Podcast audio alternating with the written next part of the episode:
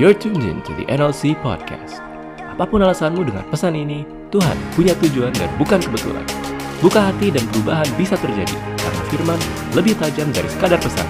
Selamat mendengarkan.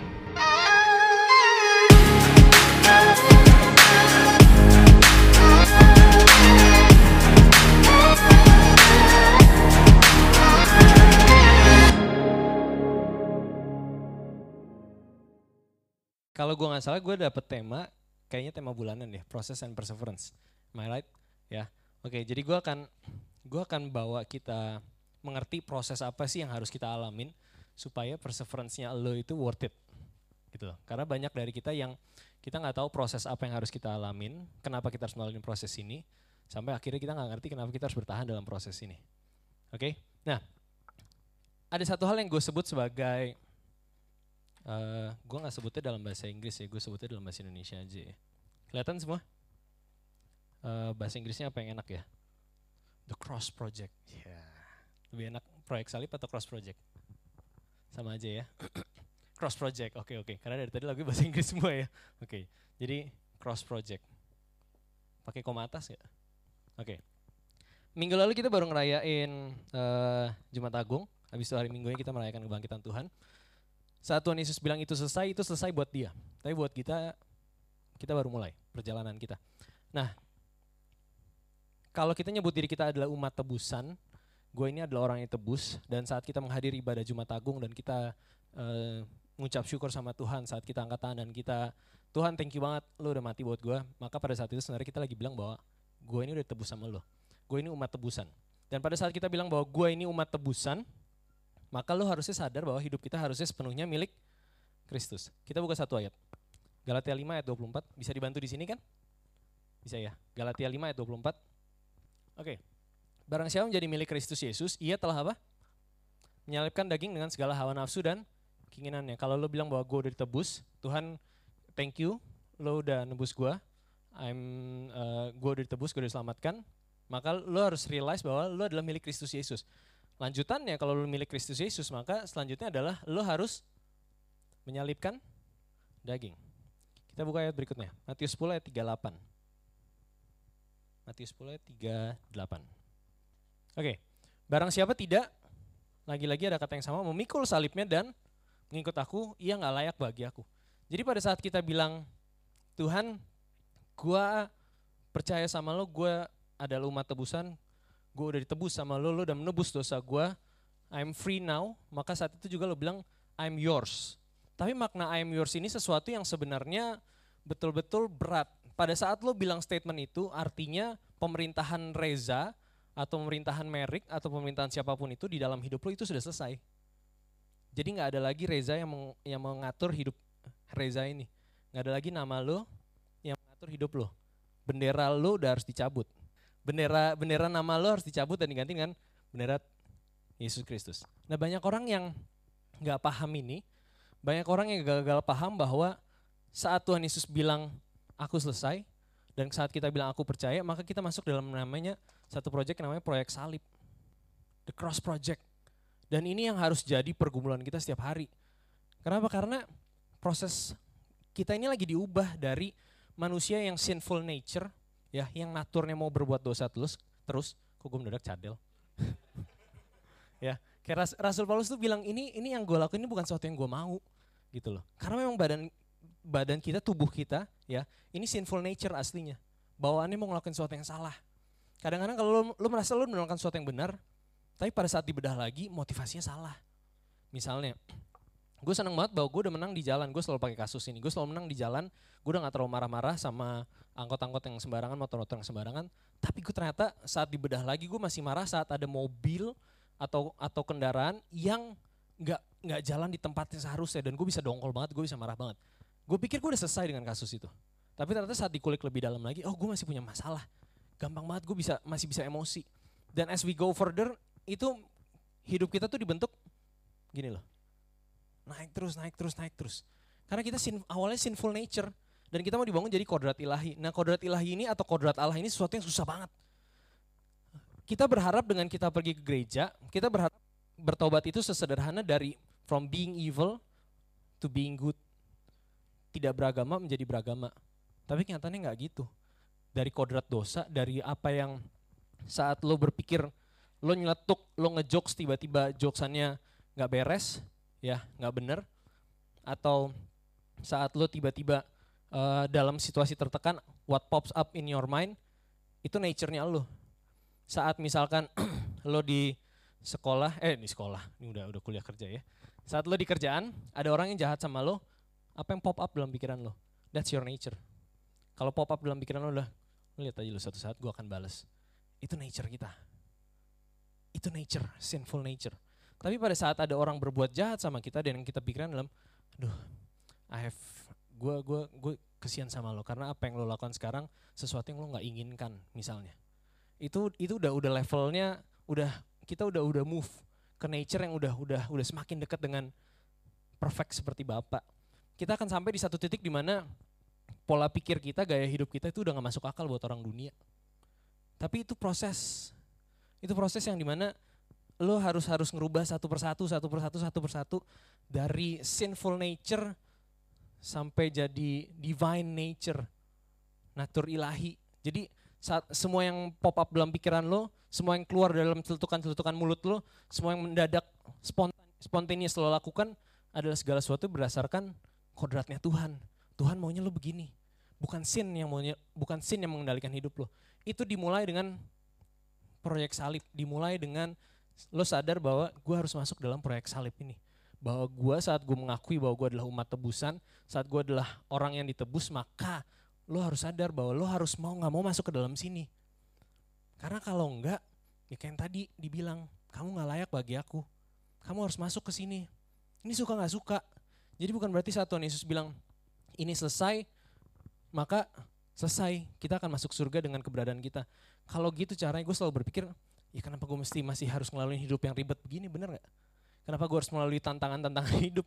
Kenapa gue harus melalui proses dan permasalahan? Kan katanya udah selesai, ya masukin aja gue ke surga selesai gitu kan. Kenapa gue harus melalui semua ini?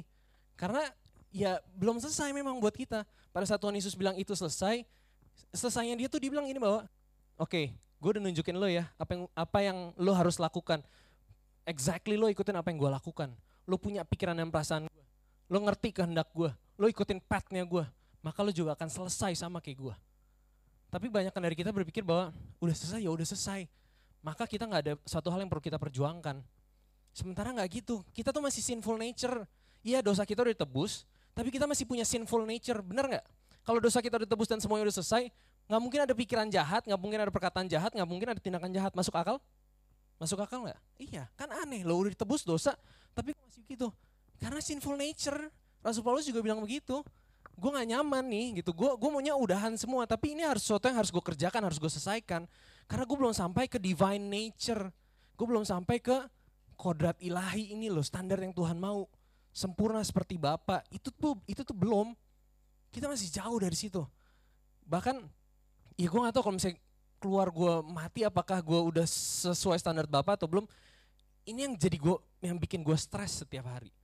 Ini yang bikin gue frustasi setiap hari ini yang bikin gue pusing setiap hari.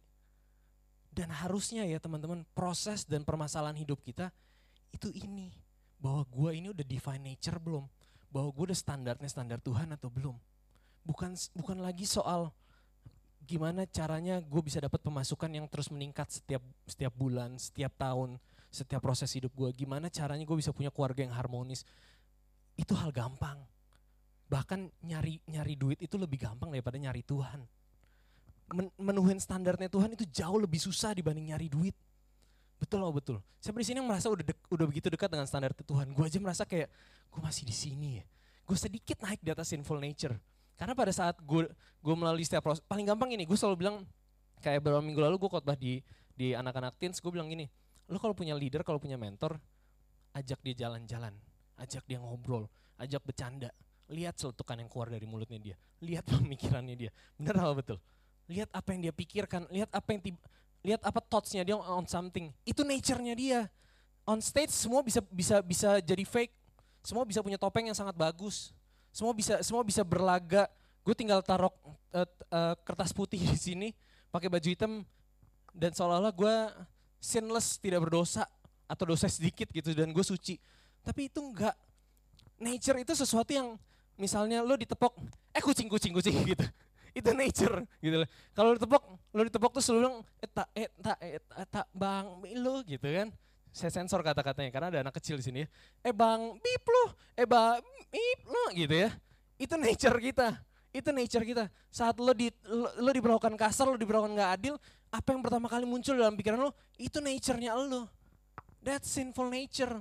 Itu yang harus kita ubah, itu yang harus kita itu yang harus kita perjuangkan setiap hari. Gimana nih gue gak punya sinful, sinful nature, ini gue matiin. Gimana caranya gue menyalipkan diri gue, gimana caranya gue layak sama Tuhan setiap harinya. Karena karena jarak dari sinful nature ke divine nature itu bukan cuma satu anak tangga, tapi beratus-ratus anak tangga dan ini yang disebut dengan proses yang membutuhkan perseverance. Bukan sekedar proses yang kayak kemarin gue ada satu satu anak komsel kita tiba-tiba ngajak ketemuan malam-malam dan kita ketemuan dia stres. Dia seorang atlet bulu tangkis lagi membangun karirnya di karir nasional. Tapi terus kemudian mamanya ini ternyata e, mengganggu karirnya dia. Kenapa? Karena mamanya ini suka minjem duit. Suka minjem duit ke sponsor-sponsor yang sponsorin dia. Dan sponsor-sponsornya cukup nama-nama nama besar.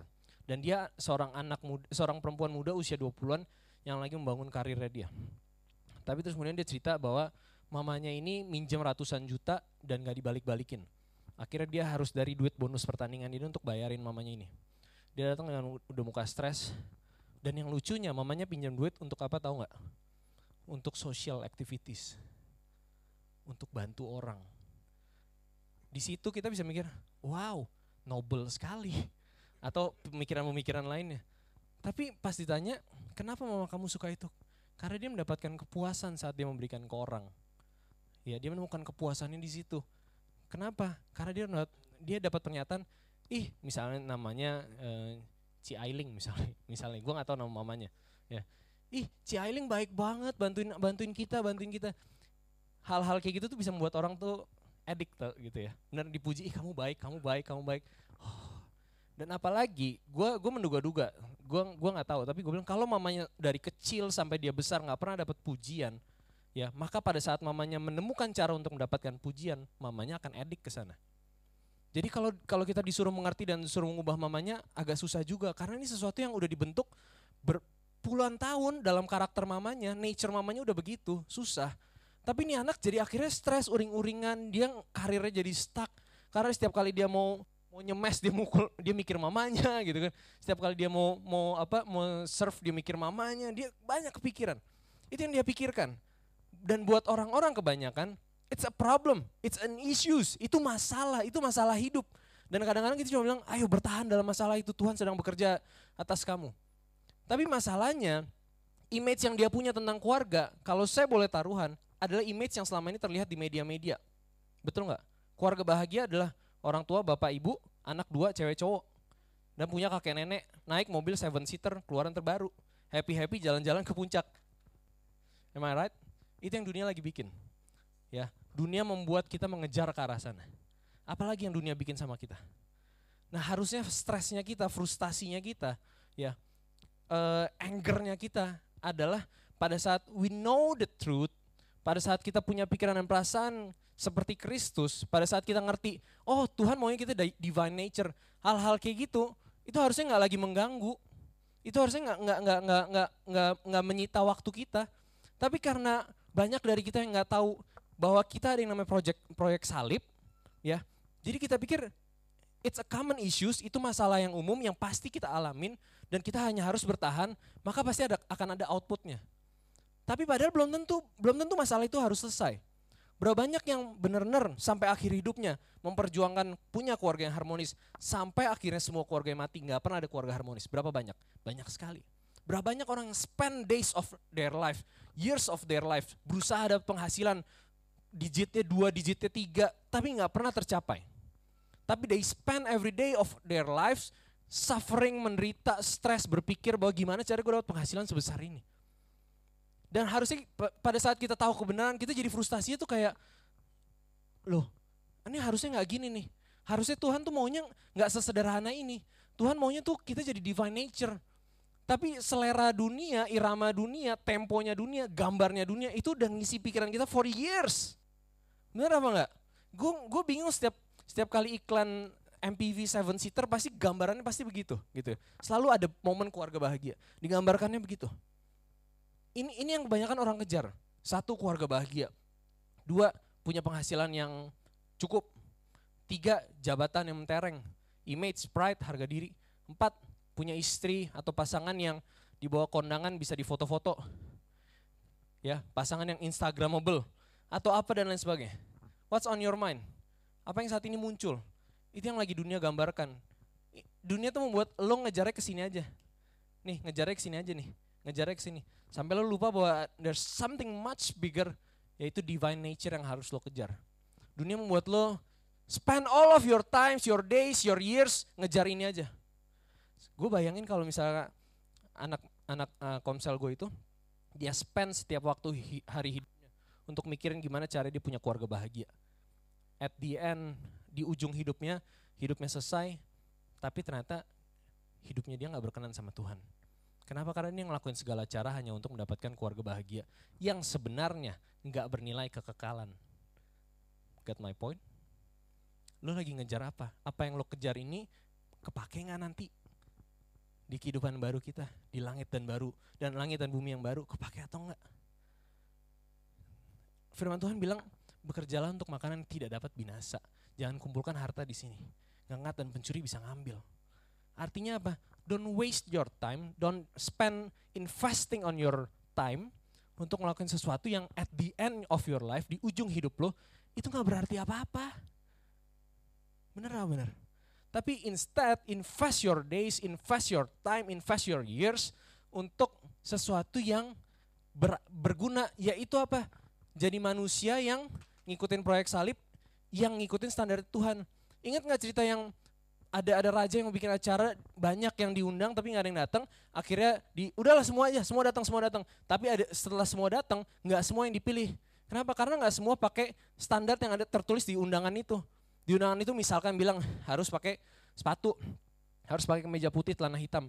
Banyak yang pikir, ya gue datang aja, gue datang aja ke undangan. Without knowing bahwa ada loh dress code. Berapa banyak dari kita yang merasa bahwa, oh surga, I will go gue akan ke sana. Tapi mereka nggak ngecek bahwa ada dress code-nya untuk masuk ke surga. Yaitu apa, lu mesti punya divine nature. Lu mesti sama kayak gue. Lu mesti mengalami penderitaan kayak gue, taat sampai mati kayak salib. Bukan berarti terus kemudian kita harus menderita bilang sama teman, salibkan saya, salibkan saya ya. Ayo, komerik salibkan saya, salibkan saya, salibkan saya setiap hari. Banyak yang salah mengira seperti itu. Saya harus disalibkan, saya harus mati juga. No, no, no, bukan kayak gitu. Menyalibkan di sini dalam artian matiin tuh keinginan daging. Matiin tuh bendera atas nama lo diturunin. Dulu dulu waktu waktu kita belajar sejarah, kemenangan Indonesia itu tentukannya apa? Pada saat pejuang-pejuang itu berhasil naik ke, gue lupa gedung apa, sejarah gue gak terlalu bagus. Mereka naik ke gedung tinggi, mereka cabut bendera Jepang atau Belanda, gue lupa terus mereka ganti dengan bendera Indonesia. Dan itu menyatakan artinya kita menang. Nah pada saat lo mau bilang Yesus menang dalam hidup lo, siapa nih yang masih berkibar? Siapa yang masih berkibar dalam pemerintahan hidup lo? Pemerintahan siapa yang masih, mengatur hidup lo? Pemerintahannya Tuhan, pemerintahannya Allah, atau pemerintahan lo? Siapa yang masih mengatur ke mana lo harus pergi? Siapa yang harus siapa yang masih mengatur gimana lo spend waktu-waktu lo? Siapa yang masih mengatur? Siapa yang masih mengatur? Itu yang menentukan. Banyak dari kita jebak ke gambarkan ya, bukan gambarkan tulis. Ini ini uh, ini pengalaman atau masalah ya level rendah. Ini yang level tinggi. Banyak dari kita yang yang terus berjuangnya atau berusaha datang ke gereja atau lakukan cara apa pun untuk menyelesaikan sebenarnya yang di sini. Masalah level rendah. Masalah level rendah apa? Ya itu tadi. Cuma sekedar berjuang supaya punya penghasilan yang layak, berjuang supaya punya keluarga yang harmonis, punya rumah yang ada uh, halaman di belakang tempat anak-anak lu bisa lari-lari, Berapa banyak kakek nenek yang meninggal tanpa bisa mewujudkan image itu. Berapa banyak kakek nenek yang meninggal, berapa banyak opa oma kita yang meninggal dalam kesedihan, kesengsaraan bahwa saya belum berhasil membahagiakan anak-anak saya. Berapa banyak orang tua yang meninggal dengan pernyataan bahwa maafin mama ya, mama belum bisa kasih kamu kehidupan yang bahagia. Lu lihat nggak jahatnya dunia? Dunia membuat lo mengejar ke hal-hal yang pada saat lo mati sebenarnya nggak bernilai juga. Lo punya penghasilan tiga digit, kalau lo mati lo mau ngapain? Apakah itu jadi lo bisa gesek debit pada saat masuk surga? Surga malaikat bilang, ya lo nggak boleh masuk. Ah, saya ada itol. Tap, pintu surga kebuka dan lo boleh masuk. Enggak toh, enggak enggak begitu. Dan dress code-nya bukan kita yang menentukan, dress code-nya Tuhan sendiri yang menentukan. Syaratnya apa? To be like Christ, jadilah kayak gue. Kalau lo mau bersama-sama dengan aku di tempat yang sudah aku siapkan, memerintah bersama-sama dengan aku, ayo ikutin.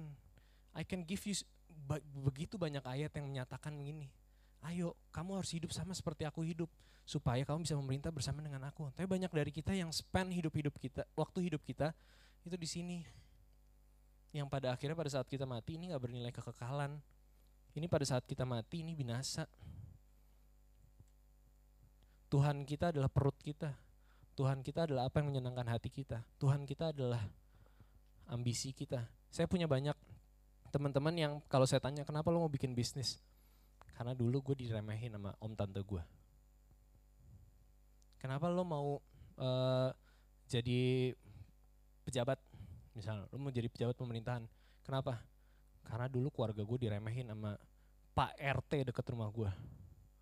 Sekarang gue mau buktiin Terus pertanyaan gue, kalau itu udah tercapai at the end of your life, oke okay, yeah, gue jadi pejabat, ya yeah, gue punya gue punya harta tiga digit, gue punya pemasukan tiga digit, then what?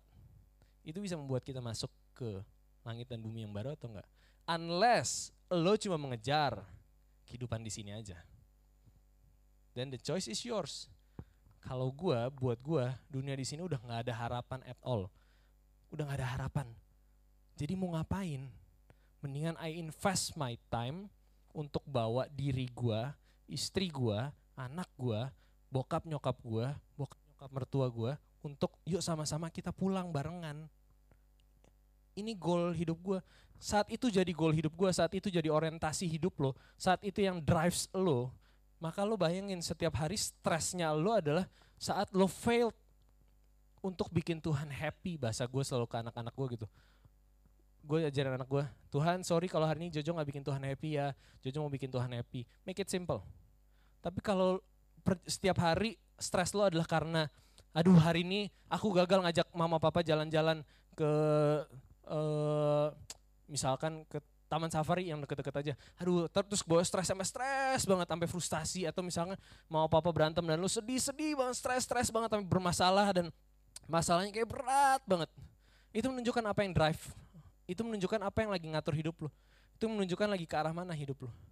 Tapi kalau what drives you, apa yang jadi goal hidup lo adalah gue mau masuk ke dalam pesta itu, gue mau merintah bersama Tuhan, maka harusnya yang bikin lo pusing adalah saat lo failed untuk bikin Tuhan happy hari itu.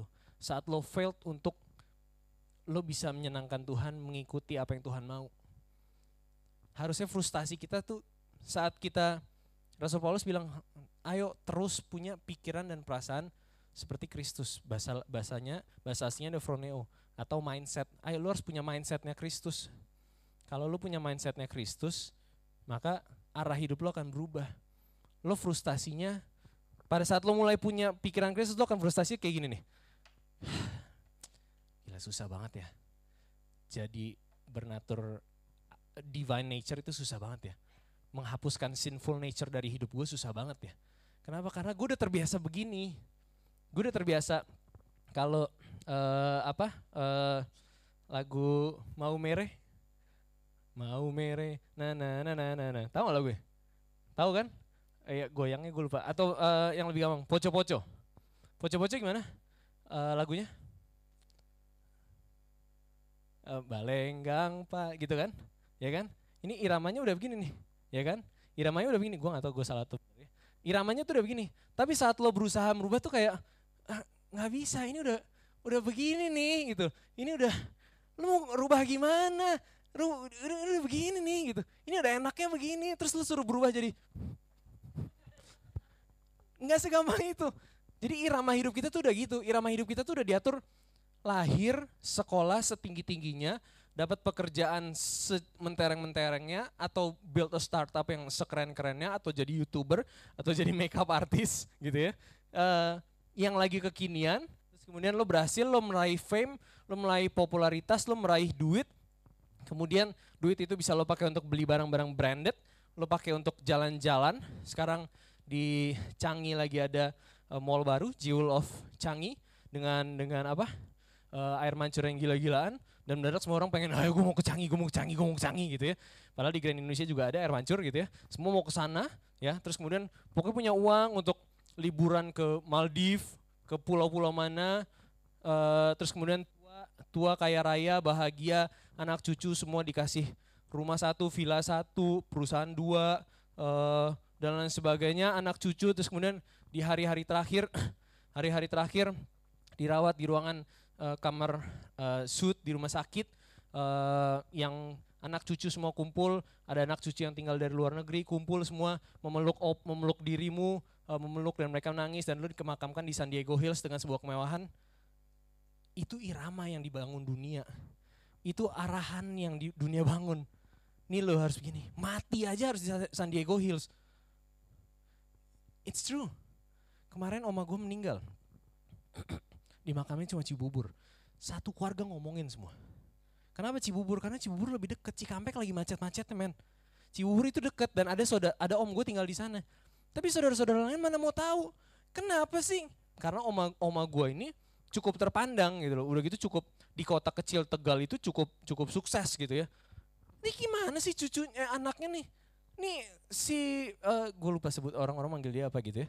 Tapi nih si tante gitu ini kan duitnya banyak. Kok cuma dimakamin di Cibubur, tahun eh, gue gak tahu Cibubur namanya apa ya.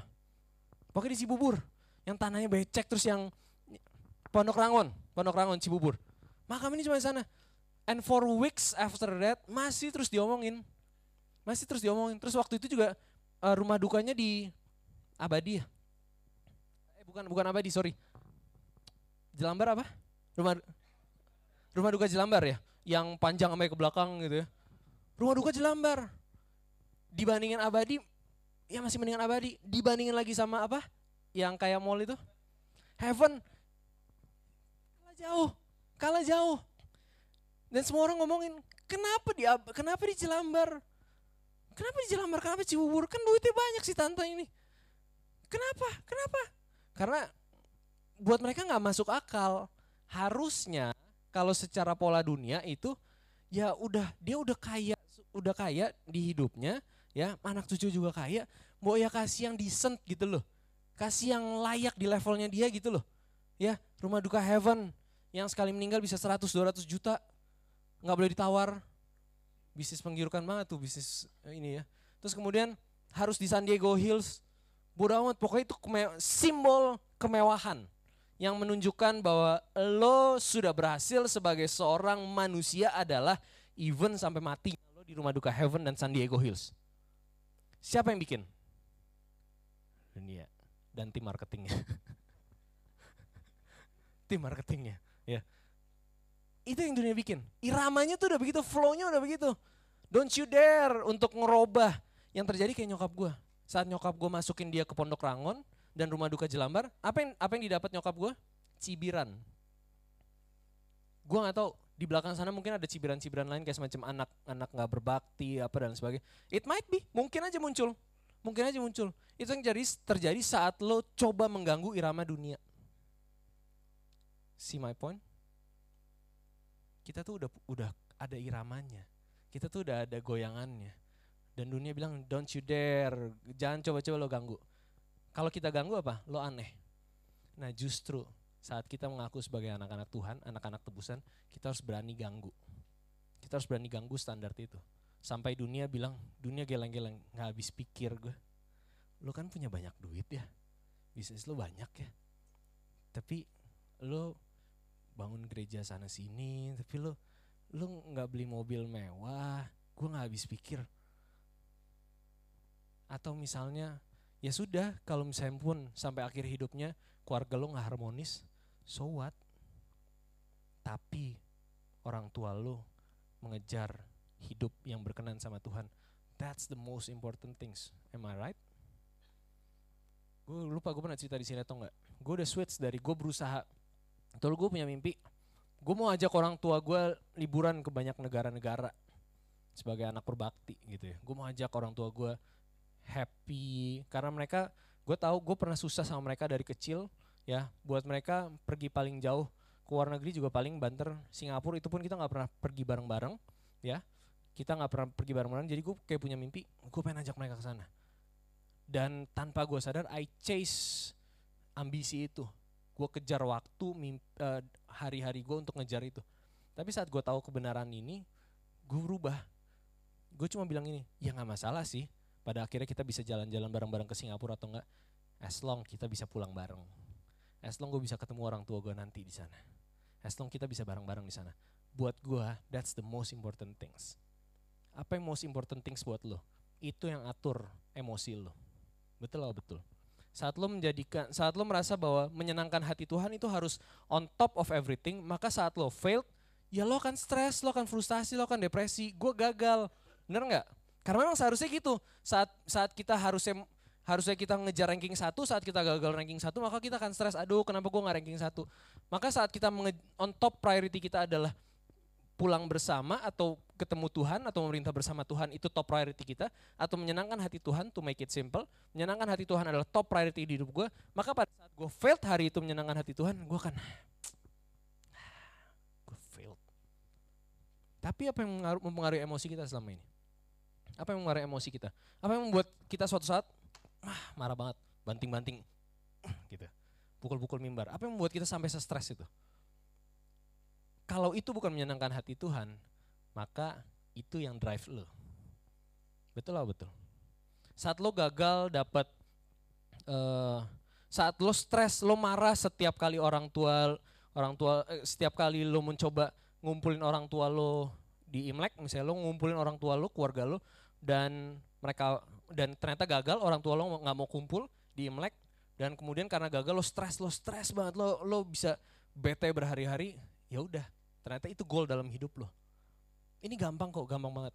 Kamu kamu bisa cek apa yang drives lo, apa orientasi lo. Orientasi lo ke mana? Orientasi lo apa? Itu sangat gampang.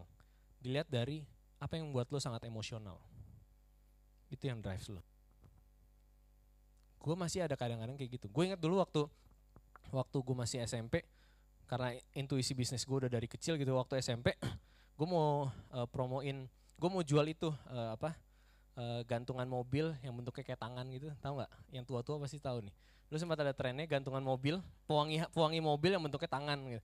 Dia ada warna kuning, ungu, dan sebagainya. Nah waktu itu gue kenal suppliernya ya, terus kemudian gue mau masukin ke kotanya nyokap gue di Tegal gitu ya. Gue mau coba, wah gue udah kebayang, wah kayaknya bakal berhasil nih, bakal bakal bakal boom lah bisnisnya bakal berhasil. But gue lupa bawa produknya. Pada saat on the way ke Tegal gue lupa bawa produknya. Seingat gue gue gue gue minta nyokap gue untuk bawain. Tolong nyokap gue buat bawain. Dan nyokap gue lupa bawain. Pada saat nyokap gue lupa bawain saat gue tahu nyokap gue lupa bawain gue langsung uring-uringan. Gue langsung ngambek sama nyokap gue uring-uringan bener uring-uringan gue sampai mood gue berubah. Tadinya gue happy karena gue lagi jalan lagi mau jalan-jalan tapi mood gue berubah. Mood gue liter beneran langsung berubah. Gue berasa banget dan itu momen itu cukup membekas. Dulu gue pikir itu nggak salah tapi sekarang gue pikir oh that drives me. Tapi kalau misalnya yang drives kita adalah menyenangkan hati Tuhan harusnya saat itu terjadi ya udah ya udah ini kesalahan gue I will do better next time. Tapi pada saat lo di hari itu malah memutuskan untuk ngedamprat nyokap gue misalnya gue marah nyokap gue gue keluarin kata-kata kasar dan orientasi hidup gue adalah menyenangkan hati Tuhan saat gue lakukan itu maka itu yang harusnya bikin gue stres harusnya nggak gitu, harusnya nggak gitu. Ah, I failed, I failed. Gitu. So, waktu gue aman. Tapi gue juga gak terlalu panjang. Tapi let's make it short. Let's make it short, ya. Untuk tahu lo ada di pro, uh, proses apa yang harus lo jalanin akan membuat lo ngerti perseverance lo layak atau enggak. Kalau enggak, sekarang proses apa yang lo misalnya lo bilang nih gue gue lagi diproses nih sama Tuhan nih keluarga gue harmonis keluarga gue berantakan. Oke okay, let's say keluarga lo akhirnya jadi harmonis. Tapi pertanyaannya adalah lu nya sendiri eligible nggak memerintah bersama Tuhan? Itu harusnya yang lebih penting dibanding semua priority apa pun. Jadi kalau lo tahu bahwa proyek salib menghasilkan level masalah yang level lebih tinggi ini yang harus lo chase dalam hidup, ya udah. Ini yang harusnya mendistract lo, ini yang harus membuat lo emosional, ini yang harus membuat lo stres, ini yang harus membuat lo frustasi. Setuju? Setuju? Ini nggak gampang. Again, dari sinful nature ke divine nature, divine nature tuh tinggi banget dan mahal banget. Mahal banget, mahal banget, mahal banget divine nature. Dan sesuai nggak segampang dengan Tuhan ampuni dosaku, aku minta maaf aku mempercayai engkau sebagai Tuhan dan penembusku. Nggak ada langsung lo divine nature, no. Enggak. Lo akan menemukan banyak orang yang udah udah Kristen bertahun-tahun, puluhan tahun, belasan tahun, seorang pemimpin rohani yang belasan tahun, tapi dia bahkan deket pun enggak sama divine nature. Kenapa? Karena perjuangan jadi divine nature itu long way. Nyari uang lebih gampang dari nyari Tuhan. Nyari kesehatan bisa jadi lebih gampang daripada nyari Tuhan. Kalau lo pikir nyari uang itu susah, nyari Tuhan jauh lebih susah lagi. Makanya Rasul Paulus bilang, ayo punya pikiran dan perasaan seperti Kristus. Caranya gimana? Diisi terus, diisi terus. Sekarang kalau misalnya kita isi setiap hari adalah games, games. Gue gak bilang games itu salah. Tapi kalau itu mendominasi waktu hidup lo, terus lo berharap ada firman Tuhan yang merema dalam hidup lo, kayaknya gak mungkin. Bener atau betul? Gue sekarang lagi lagi cukup jaga anak gue, terutama istri gue yang lebih bawel gitu. Ya apa yang masuk ke dalam mata dan telinga anak-anak gue itu kita kita kontrol betul-betul. Karena kalau kalau udah keisi dengan banyak hal yang salah, ngerubahnya lagi lebih susah. Kita yang udah segede gini, kalau kita baru tahu kebenaran ini sekarang, perjuangan kita akan lebih susah dibanding mereka-mereka yang masih teens, masih usia belasan, itu masih lebih gampang untuk diubah. Make it simple. Ini di di di pelayanan kita kita kita buat kita sederhanakan, kita sederhanakan. Bahwa harus lo chase dalam hidup itu harusnya ada output outputnya. Perjuangan lo ikut Tuhan itu harusnya ada outputnya yang bisa dirasakan oleh banyak orang. Itu RSVP tolong jangan contek ini program kita soalnya. Ya. kalau mau contek boleh nanti bayar biaya franchise. Nggak bercanda. Kita buat value-nya itu RSVP Respons responsible smart valuable but perfect perfect, sempurna serupa seperti Yesus punya divine nature. Saat lo punya output ini, maka lo bisa RSVP ke langit baru, bumi baru. Gitu. Konsepnya begitu. Outputnya saat lo sepikiran dan seperasaan dengan Kristus, outputnya pada saat lo punya mindset Kristus, harusnya lo adalah seorang yang responsible di mana pun lo berada, di mana pun peran yang lagi lo lakukan. Misalnya sebagai seorang ayah, sebagai seorang anak, sebagai seorang guru les, sebagai seorang apa murid di sekolah, harusnya lo adalah seorang yang responsible. Tapi lo juga smart. Smartnya artinya apa? Ya lo bukan cuma bukan cuma bukan cuma misalkan lo lulusan marketing, lo pintar di marketing, tapi lo juga menggali kebenaran firman Tuhan terus. Terus lo bedah, lo bedah ayat-ayat aslinya, konteksnya, eh, konteks pendek, konteks panjang, lo bedah, lo ngerti semua. Terus kemudian lo valuable, lo adalah pribadi yang bernilai, kehadiran lo itu berguna buat masyarakat. You give added you give added value buat ke mana pun lu pergi. Misalnya ada sebuah ada sebuah tempat les yang udah mau tutup, begitu lo masuk, you give them added value, tau-tau tempatnya jadi rame, karena lo memberikan value-value yang berbeda, lo bermanfaat buat tempat itu. Dan yang terakhir, perfect. Kadang-kadang kita kejebaknya di RS, RSV-nya dong, tapi kita nggak ngejar jadi divine nature. Kadang-kadang agama menjebak kita, agama menjebak kita untuk jadi beragama. Dari tidak beragama jadi beragama, atau dari jahat menjadi baik. Sementara di atas baik, itu yang harus kita kejar. Apa di atas yang baik? Sempurna seperti Bapak. Ini agak susah. Karena kalau baik itu, dunia akan bilang, wah ya lo baik, lo baik. Tapi kalau lo sempurna seperti Bapak, dunia akan bilang, nggak masuk akal. Nggak masuk akal. Lo seharusnya dengan keuntungan perusahaan sebesar begini, lo harusnya bisa memperkaya diri lo. Tapi kenapa lo begini? Kenapa lo lo lo lo bagi-bagi ke karyawan lo nggak masuk akal? Pernah nggak lihat orang-orang kayak gitu? Orang-orang yang baik baiknya baik itu nggak ketolongan kayak lo gila ini sih amazed banget pasti ada tokoh-tokoh yang muncul dalam hidup lo yang ah iya iya iya si ini si si pak ini si bu ini si ci ini si ko ini karena mereka buat dunia udah nggak masuk akal dan kita butuh lebih banyak orang-orang seperti itu untuk ngasih tahu ke dunia bahwa lo nggak bisa cuma jadi baik tapi harus jadi sempurna seperti bapak amin mari kita bangkit berdiri